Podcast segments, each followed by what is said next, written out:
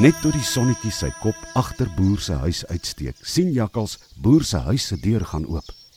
Boer is vrolik en fluit rustig terwyl hy nader gestap kom na die skaapkraal toe. By die skaapkraal tel hy gou die skape en toe maak hy die skaapkraal se hek oop. Die skape storm by die hek uit en kry dadelik koers na die onderste land toe agter die plantasie. Jakkals kan nie glo dat sy geluk so gedraai het nie, want die plantasie is ver weg van die pampoenland af en die wind waai net reg. Jakkals is baie opgewonde. Hy sing saggies terwyl die skape koers kry na die weiland toe. Bobbejaan klim die berg, so hastig en so lastig. Bobbejaan klim die berg, so hastig en so lastig. Bobbejaan klim die berg om die boere te vererg.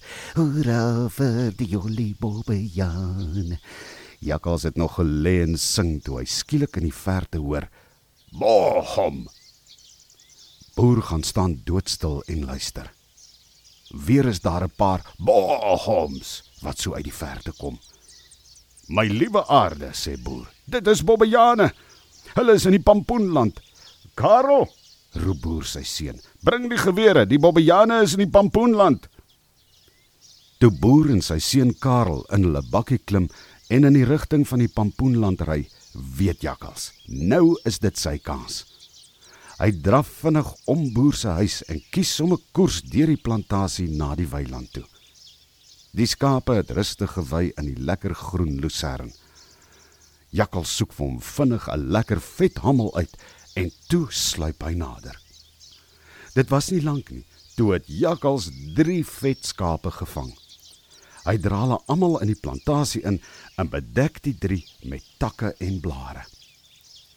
En nou sal ek met gou speel, dink jakkals toe hy die eerste skaap optel en begin aanstap. Ek sal hierdie skape vinnig hier moet wegkry, want as boer van die land afkom, gaan hy agterkom die skape is onrustig. Boer en sy seun Karel was so lank weg dat jakkals al drie skape 'n hele ent verder in die bos kon indra, ver van boer se plaas af. In die pampoenland was die bobbejane lekker aan die smil aan die pampoene. Hulle kon nie glo dat so 'n groot geluk hulle te beurt geval het nie. Hulle het geëet en geëet totdat hulle maag begin pyn het. En hoe meer hulle geëet het, hoe meer wou hulle eet. Toe boer en sy seun by Pampoenland aankom, kon hulle nie glo wat hulle sien nie. Dit was 'n verwoesting. Net waar jy kyk, het stukke pampoene gelê. Kyk net hoe hierdie trombobbejane die pampoenoes verniel het, sê boer. Geef vir my die geweer aan, Karel. Ek gaan vandag vir hierdie klomp bobbejane 'n les leer wat hulle nie gou gaan vergeet nie. Boer neem die geweer en lê aan. Bam! gaan die skoot af. Maar die bobbejane eet so lekker dat hulle glad nie geplaas toe die skoot afgaan nie. Boer haal die geweer oor en trek nog 'n skoot af. Toe Bobby Bobbejaan die tweede skoot hoor, kyk hy op en sien vir boer en sy seun langs die pampoenland staan. "O, oh, dis nie 'n goeie ding nie," dink Bobby. "Hier gaan ons vandag seer kry. Eh, kom julle ons met hardloop. Boer is besig om om ons te skiet." "Moenie vir jou laf hou nie, Bobby," skreeu een van die ander bobbejane. "Ons gaan nie nou die pampoene los nie. Ons gaan nooit weer so 'n geleentheid kry nie." Weer trek boer 'n skoot af en skiet vir Bobby in die hand raak.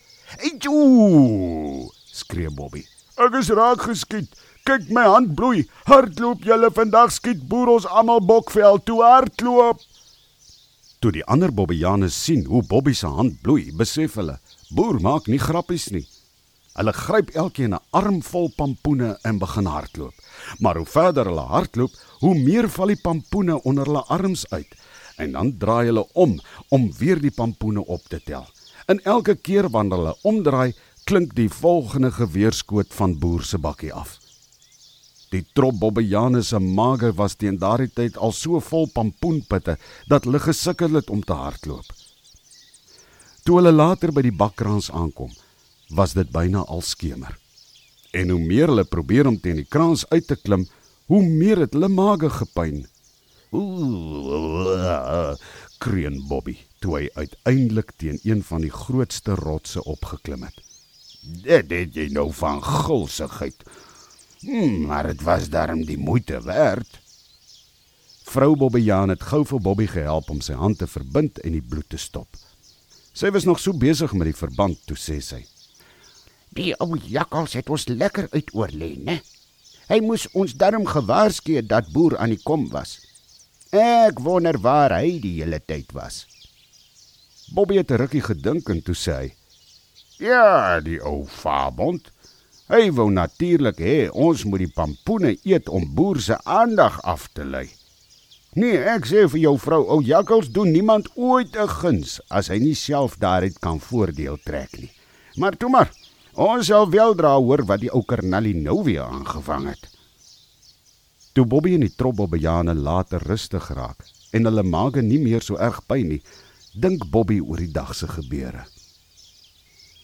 Boer het my nou wel in die hand geklits en ou jakkals het ons dalk weer 'n nare streep getrek. Maar ek moet sê, dit was die lekkerste pampoen wat ek nog ooit in my lewe geëet het. Dalk moet ons net volgende keer 'n bietjie slimmer wees. En vir jakkals vra om wag te staan langs die pampoenland.